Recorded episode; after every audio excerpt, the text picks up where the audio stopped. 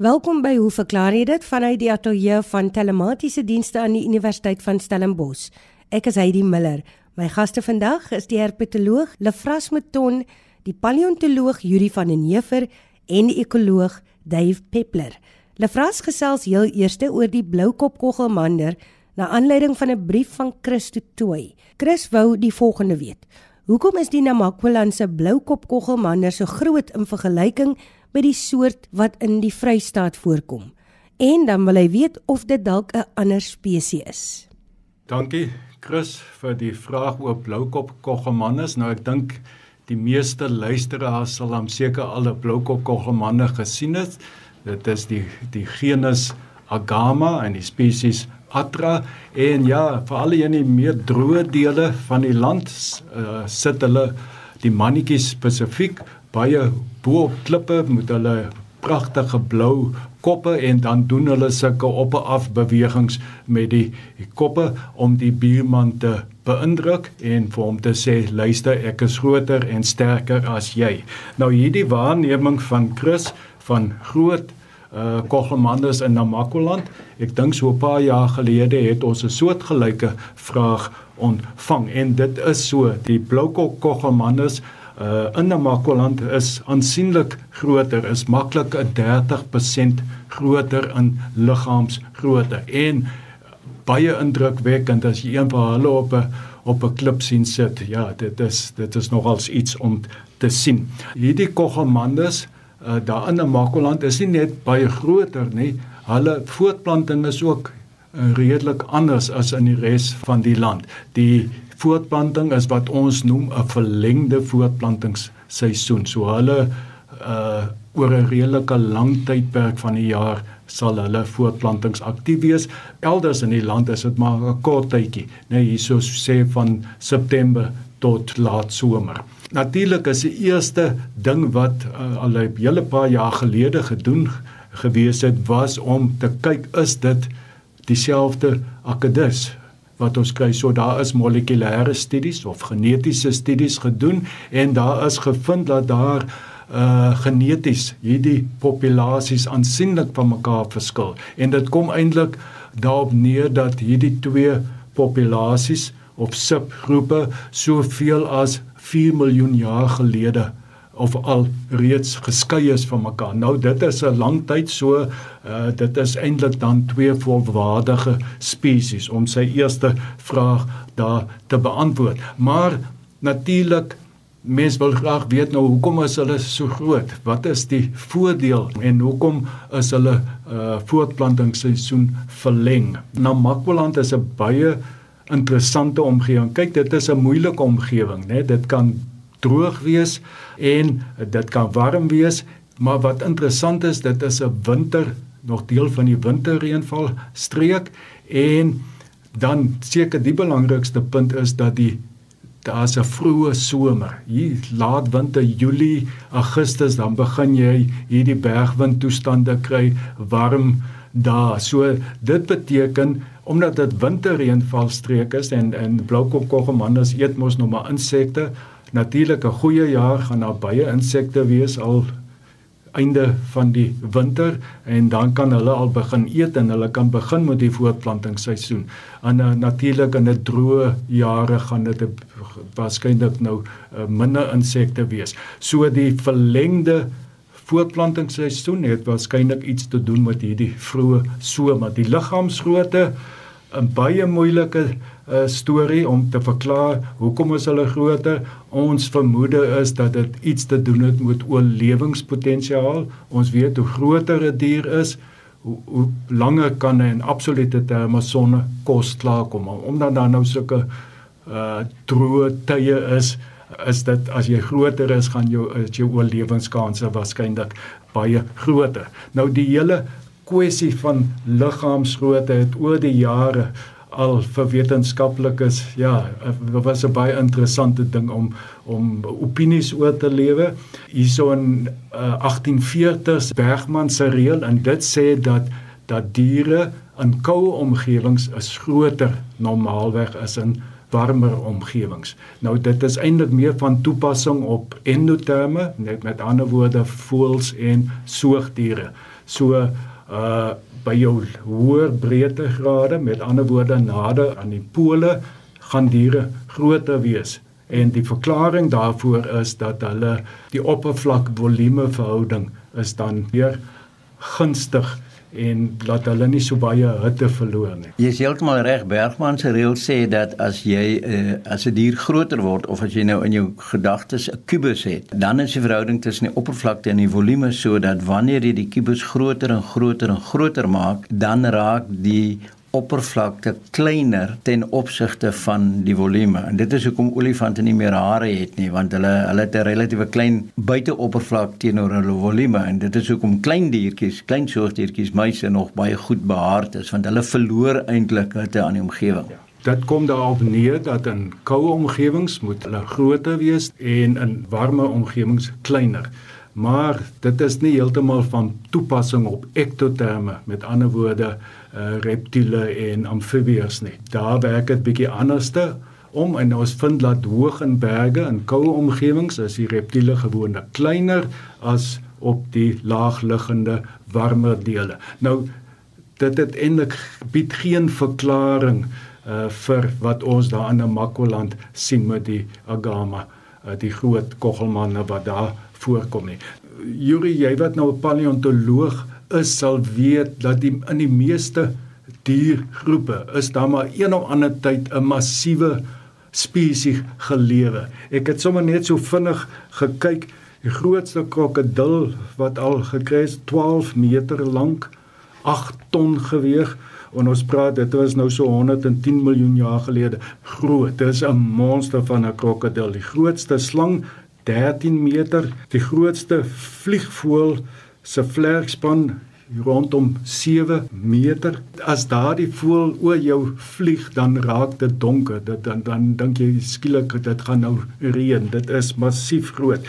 Uh so kan ons aangaan dat al hierdie massiewe diere gelewe. Natuurlik die dinosourusse net so groot. Mense wil verklaring gee hoe hoe was dit moontlik dat diere so groot kon wees? Nou ek weet by die dinosourusse was of daar is hierdie teorie van koolsuurgas dat die CO2 vlakke was baie hoog vir lang tyd gewees en dat die plantproduksie was baie hoog temperature was hoog want dit moes nog maar die kweekhuis effek so dinge was ideaal om groot te word. Maar hoekom was dit eintlik net die dinosourusse in daai tyd wat so groot geword het? Nou in elk geval om op te som die Namakolandse koggemanne baie interessante ding. Hy moet nog as 'n nuwe spesies beskryf word. Ek sal nie kan verklaar hoekom hulle so groot is nie ons dink dit iets met oorlewingsvermoë te doen en dan net laastens liggaamsgrootte baie komplekse storie. Ek dink nou maar aan die luiperd in die Kaap is die is die luiperd klein, baie kleiner as daar in, in die Kruger Wildtuin. Volgens Bergman se reël die berge is mos nou kouer, moet die luiperd eintlik hierso groter wees as daan die ander kant. Maar ons weet hierso eet luiperds dassies en kleiner prooi, hulle het nie nodig om groot te wees nie. Hier is nie eintlik ander groot predatore nie. In Kruger Wildtuin is al leeu's byvoorbeeld en die luiperd moet groter bokke vang en hy moet daardie prooi in die bome optrek so hy moet groot wees. Jy kan net indink wat se verskillende dinge of omgewingsfaktore alles 'n rol speel by liggaamsgrootte. Baie dankie aan Lefras Mouton en nou gaan Yuri van den Heever die vraag van Tersha Du Plessis beantwoord. My sien dit hierdie klip in die koppe buite woester opgetel. Kan een van die geleerdes die patroon daarop verklaar? Is dit dalk een of ander plantfossiel of eerder 'n geologiese verskynsel? Die donkerder gedeelte staan geensins uit as 'n mens daaroor vryf nie. Die klip lê 'n klein vroulike handpalm halfvol en dan het sy ook fotos aangeheg van hoe hierdie klip lyk. Yuri, jou verklaring op die brief van Tersha Du Plessis. Goeiemôre almal. Baie interessante klippie wat Tersha aangestuur het. Dit toon 'n uh, vertakte patroon. Die klein klippie is so rooi-bruin in voorkoms. Die fotos is nie heeltemal duidelik nie, maar dit lyk soos 'n uh, stukkie sandsteen. Dis bietjie verweer en op die klippie is daar sulke swart streepies soos hy gesê het in 'n vertakte patroon.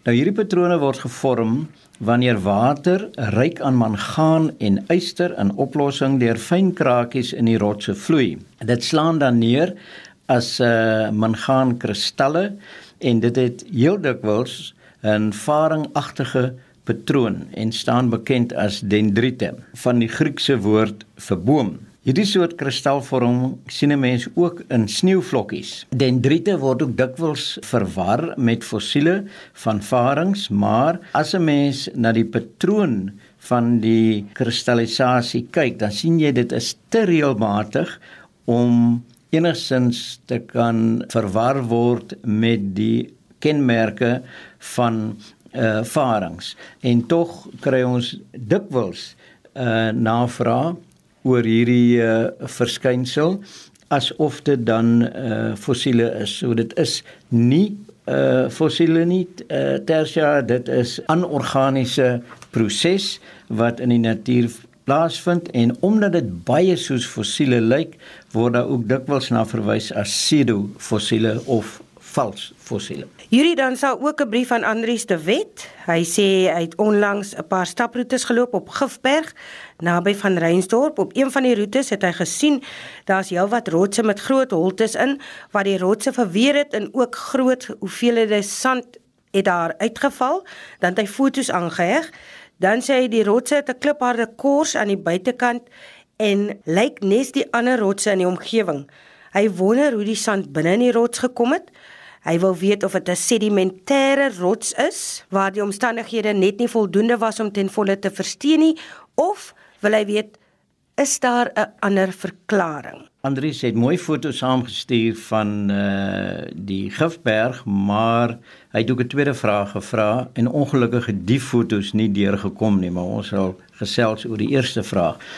Die rotse wat jy nou verwys, uh staan bekend as Tafelberg sandsteen, dit vorm deel van die Tafelberg groep. Sulke rotse is van marine oorsprong en is in die omgewing van uh, tussen 400 en 500 miljoen jaar oud. Nou die persoon wat eintlik die kenner is van um, hierdie omgewings uh is die afgetrede professor Isak Rust wat nou in die strand woon en ek het by hom ook gaan kers opsteek soos ek gewoond is om te doen want hy uh is altyd gereed met 'n baie interessante antwoord. So wat ons nou van hierdie rotse kan sê is dat dit kwartsitiese sandstene is. Dit bestaan uit kwarts, met ander woorde eintlik uit sand uit en die sandkorrels eh, bestaan uit silika uit en dit is nou gelijm ook met silika. So die die die lijm, die kitmiddel tussen die fyn korreltjies is ook uh silika. So wat jy van die Tafelberg sandsteen sien by die Gifberg is ekwivalent aan die Tafelberg sandsteen wat verder af suid by die Cederberge voorkom en nog verder uh af die Skurweberg formasie by Ceres. Nou verwering van hierdie rotse vind baie baie stadig plaas. En die agente wat verantwoordelik is vir verwering hier is reën, gravitasie en wind. Nou reën uh het ons dikwels waar uh koolsuurgas in die lug opgelos is, 'n bietjie opgelos is in reën en dan vorm dit 'n swak suur wat op 'n verskeidenheid van plekke in rotse uh die kitmiddel kan oplos en dan kom daar nou in hierdie geval sand vry.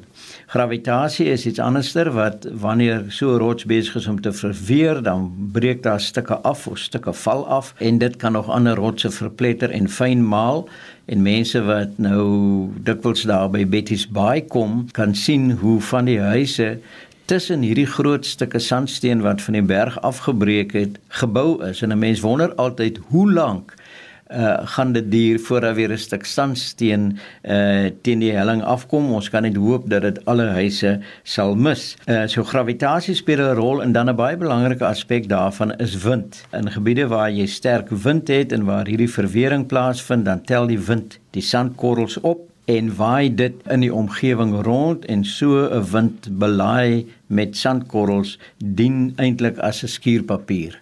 So as iemand al daar in uh, Noordwes tussen Wolmerandstad op pad daar na Glodina toe in een van daai stofstorms beland het, kan jy wel gevoel het hoe wind en stof en klein sandkorreltjies soos 'n skuurpapier werk. So enige krakie of uh, swak plekkie in die rots sal hierdie skuuraksie dus vergroot. Net soos 'n mens dikwels maalgate in riviere sien waar swak plekke in die in die rotse deur die water en klein klippies vererger word en dan met die beweging van die water maal en maal hierdie klippe om dan uiteindelik sulke holtes te kry vol van hierdie klein rotsies. Nou die verwering van die uh, Tafelberg sandsteen op hierdie manier is dan ook die bron van die uh diep sandgronde wat jy in jou brief oorskryf sodat wanneer jy dis kwarts of silikon het in die omgewing en dit verweer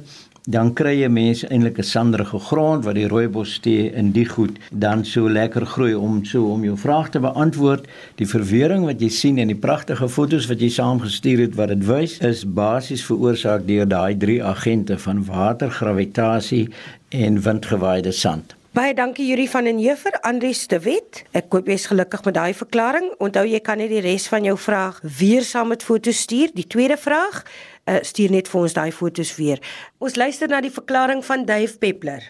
Dag kollegas en luisteraars. Vraag lui so van Dani Kreer. Ek wil graag by Dave Peppler hoor, is daar 'n verskil tussen evolusie en aanpassing? Ek dink aan die volgende voorbeeld. Alle mense op aarde behoort tog aan 'n Homo sapiens, maar die Eskimos en Neespigmee Bushman in Indië verskil baie in voorkoms as ook liggaamlike vermoëns. So is daar ook seker in die diere en planteryk voorbeelde van dieselfde spesies maar verskillend voorkoms. Is hierdie verskille te danke aan evolusie? Of aanpassing by hulle omgewing en dan vra hy 'n tweede vraag wat ek mee gaan begin. Wat behels die begrip evolusie? Is dit die teorie dat alle lewende organismes uit een entiteit ontstaan het as gevolg van die oerknal? Nou dit is 'n 'n nuwe benadering tot 'n baie ou vraag. Kom ons begin dan by die oerknal. Die oerknal is 'n uh, op die oomblike teorie vir die kosmologiese model. Met ander woorde, met uh, met ons kennis van fisika en, en chemie kan ons verklaar hoekom planete en sterrestelsels in die aarde lyk soos hulle lyk. Daar is 'n interessantheid dat die deurlopende chemiese samestelling van die heelal is altyd dieselfde want hulle bestaan uit dieselfde elemente uit. Ek dink aan Joni Mitchell uh so Woodstock liedjie we are stardust we are golden en sy was doodreg ons bestaan uit die stof van die sterre en die planete. Hieruit volg dan hoe het die oerknal ontstaan? En en natuurlik die groot Bybelse vraag wat was daar voor die oerknal? Wel ons weet nie. Maar dit was in hier sou um Henk Geier natuurlik 'n baie beter verklaring kon gee. 'n toestand en entiteit van ondenkbare digtheid en temperatuur wat ontplof het en toegegaan het deur 'n toestand van inflasie met antwoorde die ding het groter geword. En ons kan dit baie akkuraat meet natuurlik aan die agtergrond mikrogolfbestraling. Met ander woorde die ego van die oerknal is nog daar en ons kan dit meet. Dit is klaar deur satelliete gemeet. Dit is pragtige uh, patrone, chaotiese patrone. En dan weet ons ook uh, deur die werk van Hubble na wie die die teleskoop die ruimteteleskoop genoem dat die heelal se inflasie versnel. Nou ja, mens dink in terme van 'n ontploffing van skielike versnelling en dan neem die die die spoed van die partikels af. Dis die omgekeerde met die heelal. Met ander woorde, daar is donker materie wat hierdie inflasie steeds dryf. Daar is verskeie teorieë oor hoekom dit mag wees, uh, die sogenaamde dark matter, die soek na die Higgs boson wat 'n jaar of 4 gelede ontdek is, uh, wat voorspel is jare gelede. En dan ook die werk van Witten 'n teoretiese fisikus, 'n baie interessante man wat werk met string theory. Ek weet nie wat dit in Afrikaans is nie, maar snaar teorie. Snaar teorie, dankie Yuri. Ehm um, dat daar parallel universa mag bestaan dat ons drietjies wat hier in die in die donker binnegoed van die uh, ateljee sit dalk in 'n ander heel al dieselfde ding kan doen maar die die wiskunde daaraan verbonde is so dig dat Witten sê dat sy wiskunde wat hy sien wat hy weet reg is, het hy nie 'n leksikon, hy het nie 'n taal om dit te verduidelik nie. So ons soek na nuwe woorde om die vreemdheid van die heelal te probeer verklaar. Nou ja, evolusie is natuurlik 'n proses van verandering um, van lewende wesens. Minerale kan nie deur evolusie gaan nie. Met ander woorde, 'n kristal kan nie besluit as ek 'n uh, seskantig verander na agkantig gaan ek oorleef nie. Dit is slegs beperk tot die lewende organismes op aarde en dit gebeur oor geslagte heen na voortplanting. Dit is 'n unieke proses. Hierdie verandering gebeur dan deur genetiese verandering wat uitspeel in die eienskappe van die nuwe bevolking van hierdie organisme.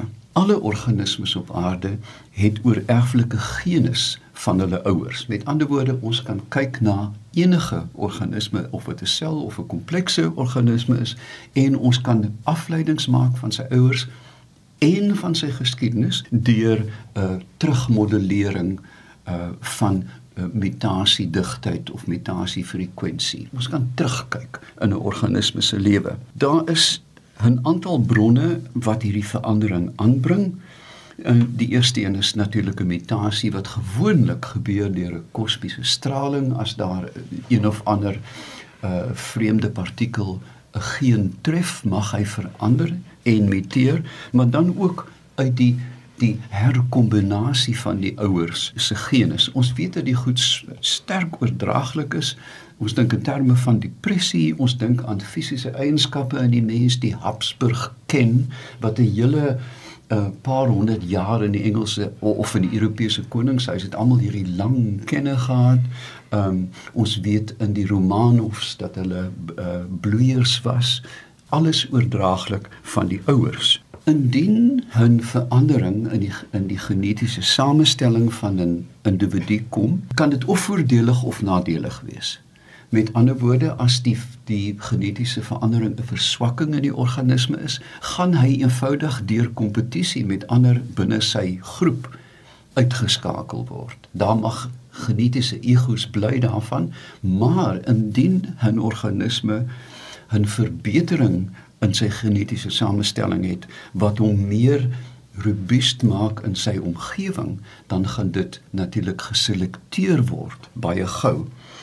Nou, ehm um, ek wil graag net nou begin by Judy om kommentaar te lewer op my kommentaar en die gesprek dan verder voer. Dankie Dave. Wat jy gesê het is reg.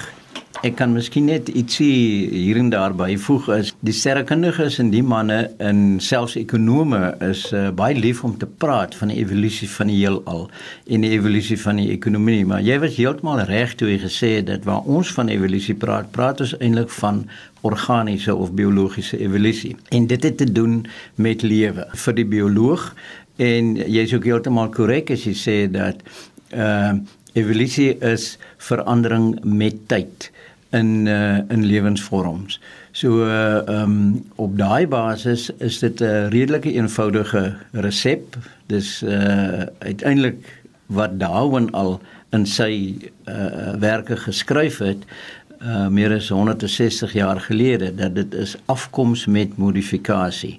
Sodat die mutasies wat wel plaasvind, uh soos jy reg gesê het, kan voordelig of nadelig wees, maar daar kan ook mutasies plaasvind wat neutraal is en wat dan op 'n heeltemal 'n ander tyd as die omgewing verander het kan so mutasie dan nadelig of uh, of voordelig wees. En met die nuutste werk wat nou gedoen word oor die uitwerking van die omgewing uh word dit amper weer 'n Lamarckiaanse benadering sodat omgewingsfaktore 'n uh, invloed kan hê en kan inspel op die genetiese samestelling van organismes. So dis 'n dis 'n baie interessante aspek wat jy aangeroer het. Baie dankie weer eens aan telematiese dienste. Dit was jou program vandag. Ons sê dankie aan Yuri van den Heever, Lefras Mouton en ook aan Duif Peppler. Skryf vir ons posbus 2551 Kaapstad 8000 of stuur 'n e-pos. Heidi by rsg.co.za.